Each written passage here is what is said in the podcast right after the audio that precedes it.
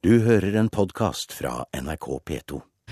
Og da nærmer det seg hastig Politisk kvarter, eh, og der har du besøk av en mann det stormet, eh, eller den mannen det stormet mest rundt i forrige uke, programleder Siri Hjørt. Ja, for mye tyder på at uroa rundt Audun Lysbakken fortsetter denne uka når kontroll- og konstitusjonskomiteen åpner sak mot den påtroppende SV-lederen.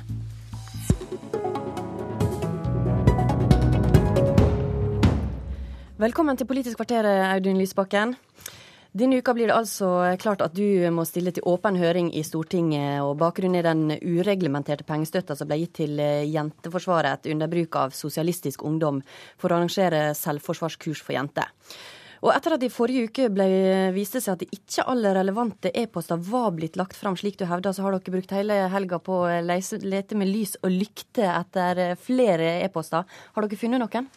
Vi er ikke ferdig med det søket ennå, men jeg ble jo veldig overrasket når den dukket opp en e-post til. Jeg har jo sjøl tatt initiativ i denne saken til å praktisere mye mer offentlighet enn det som er vanlig. Jeg ønsket å frigi alle dokumenter som vi kjente til. Det var jo fordi det har vært så mye spekulasjoner i denne saken. Det er jo en sak der vi har gjort en feil som jeg ser veldig alvorlig på. Og det er en sak der vi har hatt en altfor rotete prosess. Men det er også det det handler om. Og for at ikke det skulle være spekulasjoner om noe annet, så ville jeg ha full offentlighet rundt det. Men Dagbladet skrev i helga at uh, som, altså Det var jo Dagbladet som skrev om denne saken først, og de hevder at det finnes flere relevante e-poster som ikke er lagt fram. Er det riktig? Altså, jeg vil vente med å konkludere til jeg får resultatet av våre søk. Nå har jeg satt i gang en prosess som er veldig grundig, fordi jeg ble veldig overrasket over at det var noe som ikke var med forrige gang. Derfor har vi både hyret inn datakompetanse fra utenfor mitt departement, vi har kyndige folk i departementet, og vi gjør nå dette svært, svært grundig.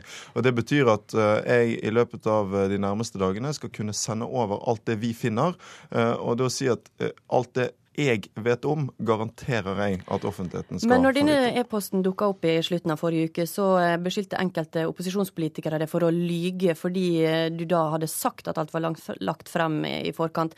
Forstår du at det kan bli oppfatta som løgn? Det var selvfølgelig veldig dumt at det dukket opp noe mer. Men forstår du at det kan bli oppfatta som løgn? Altså, Minne om at jeg har her lagt ut mye mer informasjon enn det eh, jeg er forpliktet til. og Sånn sett er det rart å bli beskyldt for å holde noe igjen. Jeg har praktisert veldig stor grad av åpenhet. Det er også viktig å understreke at den e-posten som kom fram, rokker jo ikke på noen måte ved den versjonen jeg har lagt fram for Stortinget av det hendelsesforløpet, som er det korrekte bildet. Og Det er altså ingen som helst grunn til at vi skulle holde tilbake den e-posten. Men, for, men for å gå på hendelsesforløpet, ble du i forbindelse med at Jenteforsvaret da fikk denne støtten i november, informert av embetsverket ditt om at din statssekretær hadde overprøvd embetsverket? Det er veldig mange varianter av det samme spørsmålet som jeg får for tiden. Og jeg har lyst til å understreke at når jeg offentliggjorde dokumenter, så hadde jeg én bekymring knyttet til det. Og det er at dokumentene viser uh, ulike medarbeidere som har vært med i prosessen på ulike tidspunkt. Men det rokker ingenting ved ansvarsforholdene i denne saken. Jeg har vært veldig tydelig overfor Stortinget, veldig tydelig overfor media. Det er bare én person som har ansvaret for de feil som er gjort i denne saken, og det er jeg. Og Derfor så svarer jeg ikke på de detaljspørsmålene der. Men flere har spekulert i at eh, hvis du hadde da sparka en av dine statssekretærer som har vært inne i denne saken, så hadde det letta trykket mot deg sjøl. Hvorfor gjør ikke du det? Det gjør ingen forskjell, fordi Stortinget kjenner bare statsråden. Jeg er sjef i departementet. Jeg er opptatt av å ta det ansvaret jeg har. Godt lederskap det handler ikke om å være ufeilbarlig, men det handler om å klare å stå oppreist når du har gjort en feil, rydde opp i den feilen, og ikke minst ta ansvar for den feilen. Og Hvis jeg hadde skjøvet medarbeidere foran meg nå, så hadde jeg gjort det på en dårlig måte. Departementet arbeider med å samle inn dokumentasjon av prosessen i de andre tildelingssakene. Hvis den gjennomgangen, altså I den gjennomgangen så dukker det opp andre saker hvor det er blitt begått feil. Hvordan vurderer du da din stilling? Jeg har tatt initiativ sjøl til en sånn gjennomgang. Men frykter du at det kan dukke opp sånne saker? Når jeg ser at vi ikke har hatt gode nok rutiner i denne saken, så er det selvfølgelig verdt å gå inn i våre rutiner og praksis. Da er målet at noe sånt ikke skal skje igjen. Og jeg er opptatt av å komme til bunns i det. Jeg vil tro at det er noe kontrollkomiteen vil være svært opptatt av. fordi uavhengig av hvem som er statsråd i et departement, så det å ha gode rutiner, god praksis rundt å følge økonomiregelverket til punkt og prikke, svært avgjørende. Derfor ser jeg det på, som min oppgave nå å sørge for at departementet for framtiden skal ha det. Anders Anundsen, leder i kontroll- og konstitusjonskomiteen. Dere skal møte på tirsdag, og da blir det etter alle solemerker klart at det blir åpen høring med Lysbakken? Ja, Ut fra det jeg har lest i media, så ser det ut til å være bred støtte for at det nå skal åpne sak, og at den skal avholde en såkalt åpen kontrollhøring. Eh, og Det er i tilfelle noe som blir besluttet eh, i morgen, men det er jo en eh, lengre vei enn det å gå før vi nærmer oss slutten av saken. Ja, For når kan det bli høring i så fall? Ja, Det vil jo komiteen måtte vurdere ut ifra hvilke datoer som er ledige og hvilken informasjon vi får, får, fra departementet. For komiteen har jo vært opptatt av at den skal få den gjennomgangen av øvrige tilskuddsordninger fra fjoråret fordi en har vært bekymra over forvaltninga av den eh, tilskuddsordningen som vi har, her har sett eh, forvaltningen av. Det har vært veldig mange ulike informasjoner som har kommet litt fra dag til dag. Og da er det åpenbart at det er viktig at vi går grundig gjennom dette. Og kan, Grunnen til at det blir åpen kontrollhøring, er jo selvfølgelig, hvis det blir vedtatt i morgen, er jo at en mener at det kan komme frem nye opplysninger i en sånn høring. Mm. Lysbakken er jo da eh, på valg for å bli SV-leder. Er det slik at eh, opposisjonen eh, på Stortinget ser seg tjent med å dra denne saken i langdrag? Nei, dette handler ikke om politikk eller politisk spill. Det handler rett og slett om at kontroll- og konstitusjonskomiteen ikke kan sette sitt kontrollarbeid på pause, selv om det er en statsråd som vil bli partileder i et parti. Vi må gjøre den jobben vi er satt til, både gjennom uh, grunnlovsmessig kontrollfunksjonen til Stortinget og Stortingets forretning, forretningsordning. Så dette er ikke et politisk spill, og det er verdt å understreke faktisk at begge disse brevinitiativene, som opprinnelig kom fra Fremskrittspartiet, er enstemmig vedtatt sendt i komiteen, og det er uh, høyst usannsynlig at uh, Lysbakkens egen partikollega i vår komité, som gjør en utmerket jobb, Hallgeir Langeland, skulle være med på noe politisk spill rundt dette. Men vi må gjøre jobben vår, rett og slett. Dere vil etter hvert eh, få mer informasjon som du er inne på, om eh, de andre tildelingene i departementet. Hva skjer om det er gjort flere feil? Ja, Det vil jo i tilfelle bli en del av den saken. Eh, saken som sådan fremstår jo eh, utad som relativt alvorlig allerede. Eh, og det er et spørsmål om hvor mange sånne eh, feil og mangler et departement kan gjøre uten at det får konsekvenser. Men jeg er veldig glad for at Lysbakken nå er helt utvetydig på det som er det åpenbare faktum, nemlig at det er han som er ansvarlig for det som skjer i departementet, uavhengig av hvem som har gjort hva. Det er uh, Lysbakken som svarer overfor Stortinget. Og vi har jo sett at statsråder har trukket seg tilbake frivillig for mindre forseelser enn dette. Men uh, jeg syns det er viktig at vi ikke drar frem de store ordene før vi har åpnet sak, og før vi har fått alt av fakta på bordet. Og da er det ikke sikkert det er grunnlag for de store ordene. Det må vi på en måte komme tilbake til når vi vet mer. Men hvor sannsynlig er det at det blir fremma mistillitsforslag når dere faktisk åpner høring?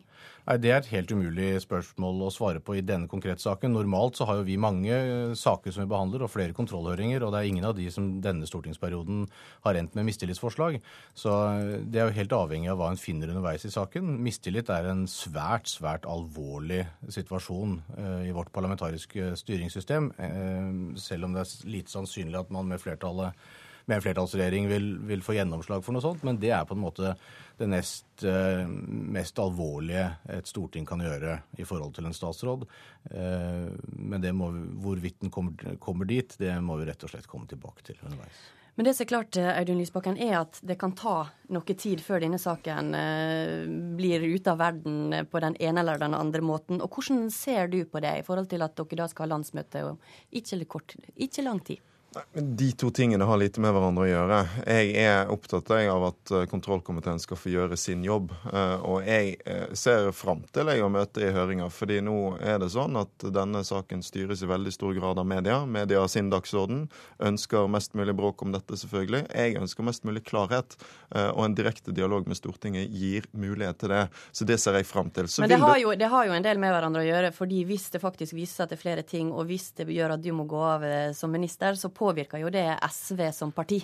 Jo, men jeg føler meg trygg på denne saken i den forstand at jeg har erkjent og tatt ansvar for de feil som er gjort. Så får andre vurdere eh, hvordan de eh, opplever det. Men jeg eh, går til den høringen i trygg forvissning om at vi har lagt på bordet den informasjonen som skal legges på bordet, og langt mer. At jeg praktiserer en åpenhet som viser at vi ikke har noen ting å skjule i saken. Og så er det viktig å understreke at jeg er eh, fullt ut interessert i eh, å få til en god prosess med, med komiteen. Jeg syns kontrollkomiteens leder har vært ryddig i hele, hele, denne prosessen. Og det er ikke rart at Stortinget ønsker å stille spørsmål når det er så mye oppmerksomhet rundt en sak i media. Men har dere som eh, partiledelsen, altså i partiledelsen vurdert om det hadde vært hensiktsmessig å utsette valget av det som ny SV-leder? Nei, det er ikke tema. Vi skal ha landsmøte om under to uker. Det går selvfølgelig som planlagt. Jeg kjenner på veldig veldig sterk støtte fra partiet også i denne situasjonen. Det setter jeg enorm pris på. Og så er jeg opptatt av at vi skal understreke at selv om dette ikke endrer noe for oss, så bagatelliserer ikke vi denne saken. Fordi det er eh, ikke bra når et departement gjør den type feil som jeg her står ansvarlig for. Det skal vi ta på alvor. Jeg skal møte på høringer i Stortinget. Men saken handler om en for rotete prosess penger som er brukt til et uh, godt formål. Det er ingen som har beriket seg sjøl, men vi har likevel gjort en feil underveis som jeg har tenkt å ta ansvar for. Men likevel, i forhold til din rolle som eh, SV-leder, altså du har sagt at du vil bli tøffere mot uh, Arbeiderpartiet. Gjør ikke denne saken det, det vanskeligere for deg? Jeg kan ikke si at denne saken skulle påvirke andre politiske saker i det hele tatt. Og jeg leder mitt departement, driver mitt politiske arbeid parallelt med at vi jobber med denne saken, akkurat som vanlig. Magnus Takpram, politisk kommentator eh, her i NRK. Eh, opposisjonen har eh, sammenligna denne saken med Manuela Ramin Osmundsen, som jo måtte gå av. Er det en god parallell? Nei, ikke uten videre. Det som var kjernen i Ramin Osmundsen-saken, som jo var noen år siden, var jo at statsminister Stoltenberg eh, slik han opplevde det, ble eh, ført bak lyset, eller ikke fikk full informasjon av Ramin Osmundsen om eh, at hun hadde skal vi si, påvirket Ida Hjort Krabi den gangen som kandidat til barneombudsstillingen om å søke jobben. Slik at en sak som på et tidspunkt så ut til å roe seg, endret plutselig karakter pga. dette tillitsbruddet. Så det denne saken dreide seg om, er at i sin tid var at en statsminister alltid må ha full tillit til alle sine statsråder. Det skjønner folk. Eh, er vedkommende statsminister redd for at en statsråd eh, ikke til enhver tid forteller sannheten, så nytter ikke det i et regjeringskollegium. De to punktene som er blitt knyttet, eller som på en måte er blitt eh, knyttet til en slags parallellføring, er jo at uh, departementet i det første brevet til kontrollkomiteen ikke på en måte la alle kort på bordet, og denne mye omtalte famøse mailen som etter hvert dukket opp. Når det gjaldt det første brevet, så, så vidt jeg husker, så ble det vist til den gangen at det var intern uenighet i departementet om saken. Og det, eh, så vidt jeg oppfatter, føler Stoltenberg er en god nok skal vi si, eh, informasjon for han. Eh, så ble det utdypet senere i de mailene som da ble valgt å, å bli offentliggjort.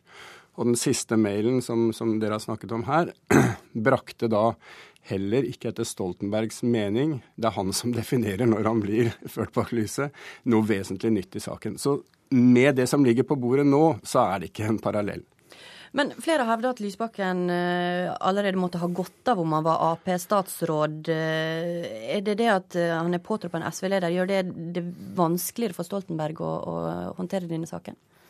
Altså, det er klart en statsråd som er, er potensiell leder i et parti i, i en samarbeidsregjering er i en annen situasjon enn en mindre sentral statsråd fra samme parti som statsministeren. Det, det sier seg selv. Eh, men har saken egentyngde nok? Altså har vedkommende statsråd gjort en så grov feil at det i seg selv eh, er uh, uholdbart uh, i forhold til å fortsette som statsråd, så gjelder ikke heller Eh, den sperren, så å si, som dette SV-lederskapet innebærer. Om det skulle komme frem nye saker som gjør at Stoltenberg ikke lenger har tillit til Lysbakken, kan SV da bli sittende i regjering? Det er en sak SV ikke har diskutert eh, til nå. og her skjer det så mye fra dag til dag at man har, på en måte har mer enn nok med å håndtere saken løpende. Jeg tror SV, og for så vidt eh, resten av regjeringen og statsministeren, håper og tror at saken er eh, lagt på bordet så langt eh, det er, er, er, mulig å ha oversikt til nå, og at eh, Lysbakken sine videre planer blir, blir som før. Eh, så når den saken skulle dukke opp, så tror jeg Eh, man tar stilling til det. Men det blir selvfølgelig en hodepine og en veldig vanskelig situasjon i så fall. Helt kort til slutt. Eh, enkelte har pekt på at han kunne sparka en av statssekretærene sine. Hadde det vært en løsning for Lysbakken? Nei, Det ville vært å, å, å liksom løpe fra eget ansvar og gi skylda på andre. Hva som skjer den dagen eh, eh Lysbakken da blir leder i SV, eh, som, som, alle regner med, og må ha et nytt mannskap som partileder og medlem av underutvalget, er jo en annen sak. Og med det er Politisk kvarter slutt. Siri Gjørts takker for seg. Du har hørt en podkast fra NRK P2.